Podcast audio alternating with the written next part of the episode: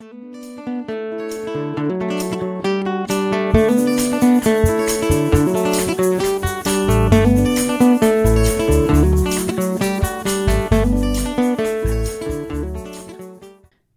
verkar det som att många börjar resa igen och inför sportlovet kan det vara bra att ha koll på vilket reseskydd du har. Om du ska iväg på en skidresa, oavsett om det är i Sverige eller utomlands, så är det en bra idé att veta vad en försäkring kan hjälpa till med, om till exempel någon av er bryter benet eller någon blir allvarligt sjuk. Eller vad händer om någon av er skulle insjukna i covid-19 eller att restriktionerna skulle ändras? Ja, många konsumenter hör av sig till oss och undrar vad de har för försäkringsskydd på skidresan. Och det här tänkte vi att vi skulle försöka reda ut här i Försäkringspodden. Jag heter Jenny Sparring och programleder den här podden.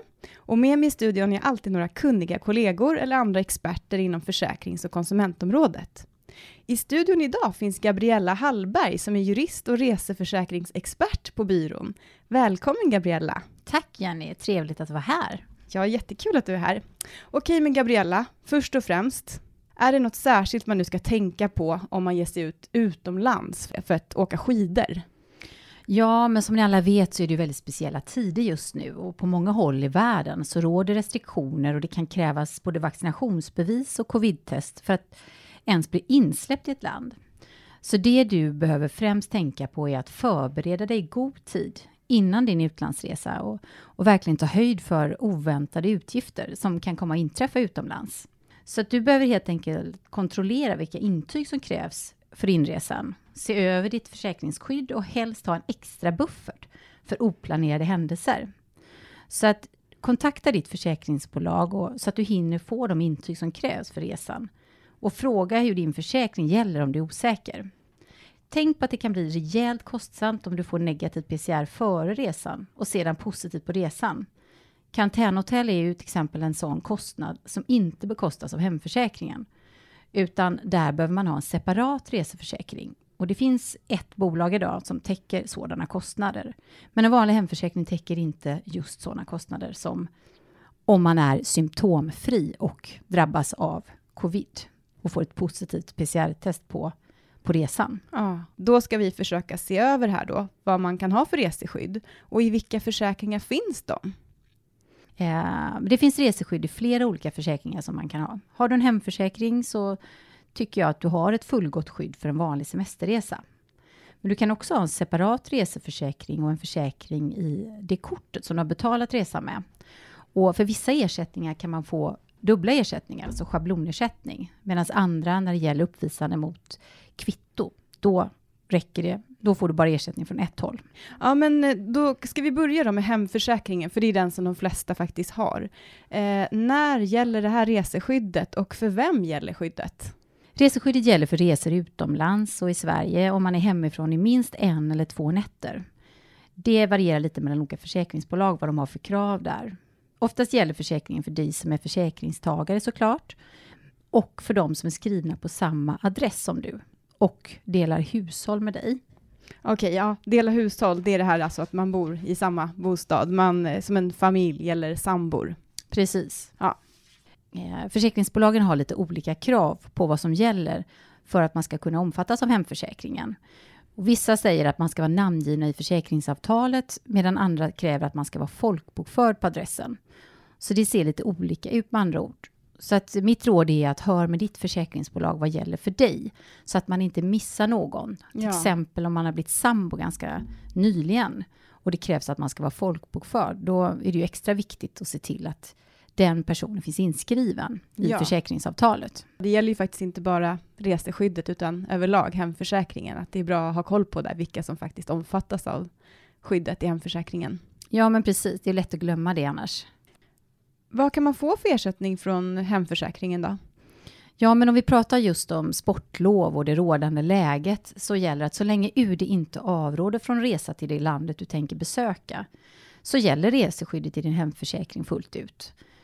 Och reseskyddet ersätter ju då viktiga skadehändelser som till exempel om du blir akut sjuk eller råkar ut för ett olycksfall och behöver läkarvård på plats. Mm. Det täcker faktiskt även hemtransport med ambulansflyg, som är en oerhört viktig och väldigt dyr post om man drabbas. Ja. Men du behöver eh, som konsument att spara kvitto kvitton för läkarvård och medicin och se till att du får ett ordentligt tydligt läkarintyg på resorten. Mm. Där, man, där diagnosen framgår tydligt då, och vad de har för ordination om du ska vila på hotellrummet ett visst antal dagar. Mm. Så där bör du se till att det, det är inte är ett bristfälligt läkarintyg för att försäkringsbolagen är ganska noggranna med det. Ja. Och där måste jag bara vika in, det är många konsumenter som faktiskt hör av sig som inte ha, har de här läkarintygen med sig hem. Precis, och då Mm. får man faktiskt avslag på ersättningen och det är ganska onödigt. Eh, om du skadar utomlands och inte har något reseskydd kan det bli fruktansvärt dyrt, så tänk på det. Det är en, eh, en billig premie för en väldigt dyr kostnad. Ja. Eh, Men visst är det så att man måste väl vara fullt frisk när man påbörjar resan för att reseskyddet ska gälla? Ja, men precis, det stämmer.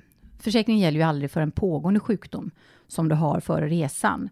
Utan eh, normalt så krävs det att du ska vara symptomfri i tre månader före avresan och inte ha besökt någon läkare under tiden.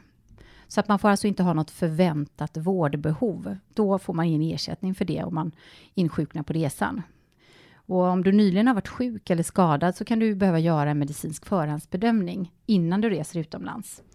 Det här med medicinsk förhandsbedömning, eh, kan du berätta, alltså, vad, vad, hur får man det egentligen? Ja, alltså medicinsk förhandsbedömning, det är någonting som eh, försäkringsbolagen tillhandahåller. Så du behöver kontakta ditt försäkringsbolag och berätta att du har kronisk sjukdom till exempel. Så ombesörjer de det och hjälper dig via larmcentralen att eh, göra en sån bedömning så att Mm. du vet vad försäkringen täcker och vilka undantag som den har Mm. före resan. Och, och här börjar jag fundera också på det här med EU-kortet som man pratar om. Man brukar ju liksom beställa ett sånt här EU-kort från Försäkringskassan. Och har man det, då behöver man väl inte ha någon hemförsäkringsskydd, eller? Jo, det behöver man ha, för att EU-kortet täcker bara nödvändiga och skäliga kostnader där du befinner dig i det landet, EU-landet, men det täcker ingen hemtransport med ambulansflyg. Och, eh, så det är inte egentligen ett fullgott skydd, Nej, utan du behöver ändå ha den här hemförsäkringen som täcker hemtransport. Och just hemtransporten kan ju bli väldigt dyr. Ja, precis. Och har du ingen hemförsäkring, då får du teckna en separat reseförsäkring som omfattar det också. Ja, ja Mm. just det, vi återkommer lite till det med den här separata. Ja, precis.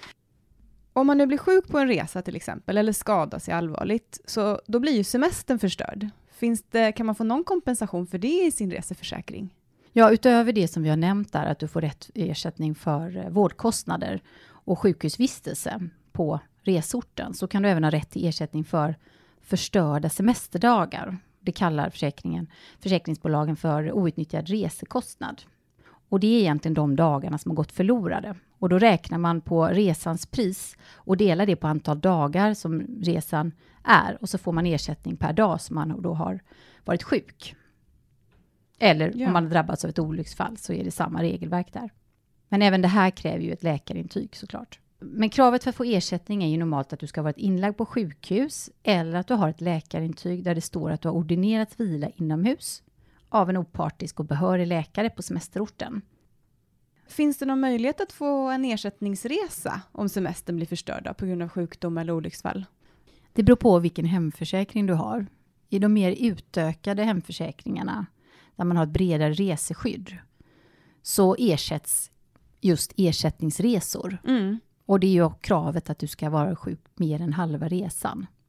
Okej, så då måste man kunna visa på att, att mer än halva resan har varit, blivit förstörd då. Ja, man måste ju ha läkarintyg Mm. på det. Och även där är det då ordinerat vila inomhus och hela det här, samma sak som Ja, precis. Det är samma Mm. krav där. Ja. Men nu pratar vi faktiskt om skidåkning. Och då undrar jag lite, finns det några speciella regler kring det här med riskfyllda aktiviteter?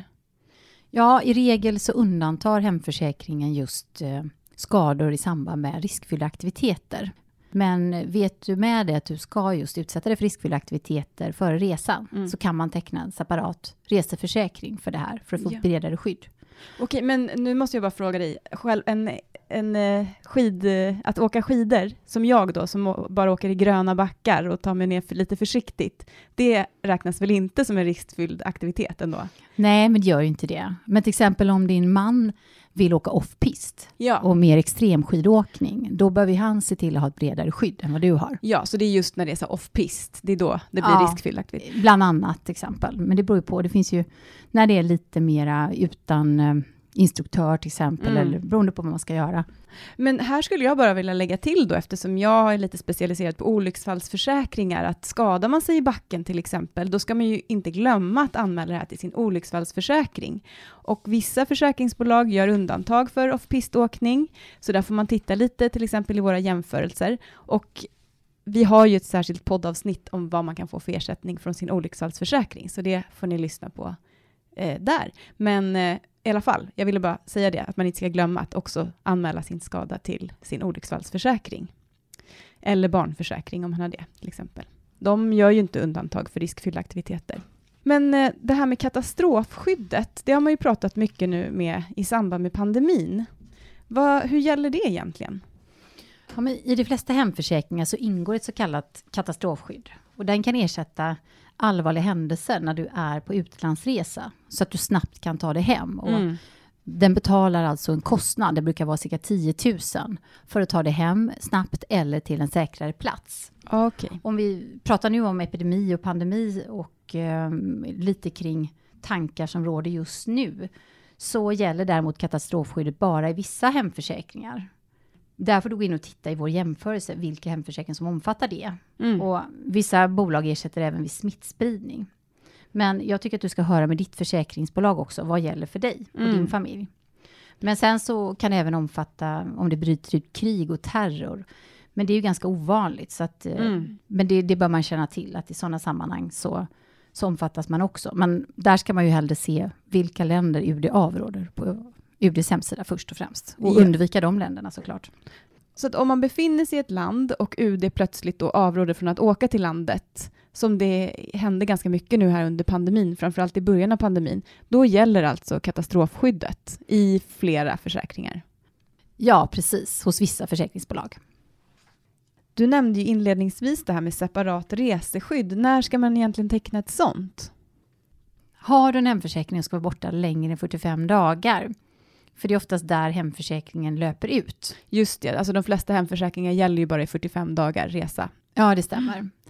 Men är du borta längre än 45 dagar så behöver du så förlänga hemförsäkringens reseskydd före den har gått ut. Mm, viktigt. Mm. Och då kan du göra det genom att antingen kontakta ditt försäkringsbolag och säger de nej så ska du köpa en separat reseförsäkring. Och den gäller oftast i normalt upp till ett års tid.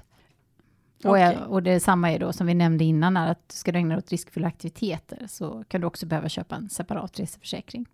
Men sen nämnde du, sen tänkte jag också höra lite om det här med avbeställningsskydd. Det får vi ju ganska mycket frågor om.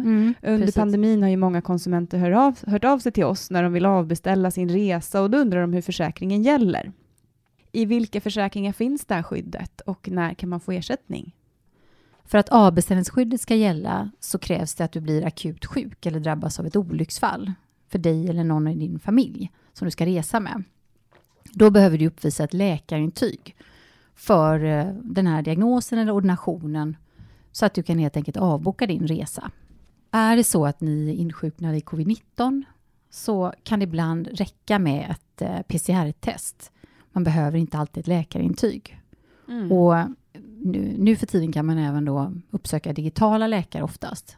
För att det här med smittspridningen inte, man ska minska smittspridningen. ja, vad annat- bra. Ja, men jag tycker man ska höra med sitt försäkringsbolag. Vad har de för krav där? Mm. Räcker det med digitalt läkarbesök? Räcker det med PCR-test? Mm. Eller läkarintyg? Men det är just för covid-19. För vanliga sjukdomar så gäller ju ett läkarintyg som sagt. Finns det ett avbeställningsskydd i hemförsäkringen? Oftast så ingår det ett avbeställningsskydd i de mer omfattande hemförsäkringarna i resedelen. Men om du inte ingår i din hemförsäkring så kan du teckna ett resetillägg i hemförsäkringen, utöka. Eller så kan du betala resan med kort, för där har du oftast ett avbeställningsskydd. Ja, just det. Den ska man inte glömma. Nej, men det ska man inte glömma. Men man måste också se till att man har rätt maxbelopp. För om resan är väldigt dyr så kanske inte kortförsäkringen räcker. Och då behöver man ändå komplettera med en utökad reseförsäkring för att täcka hela resans belopp. Det här med kortförsäkringen är ju väldigt bra. Vilka är det som omfattas av det?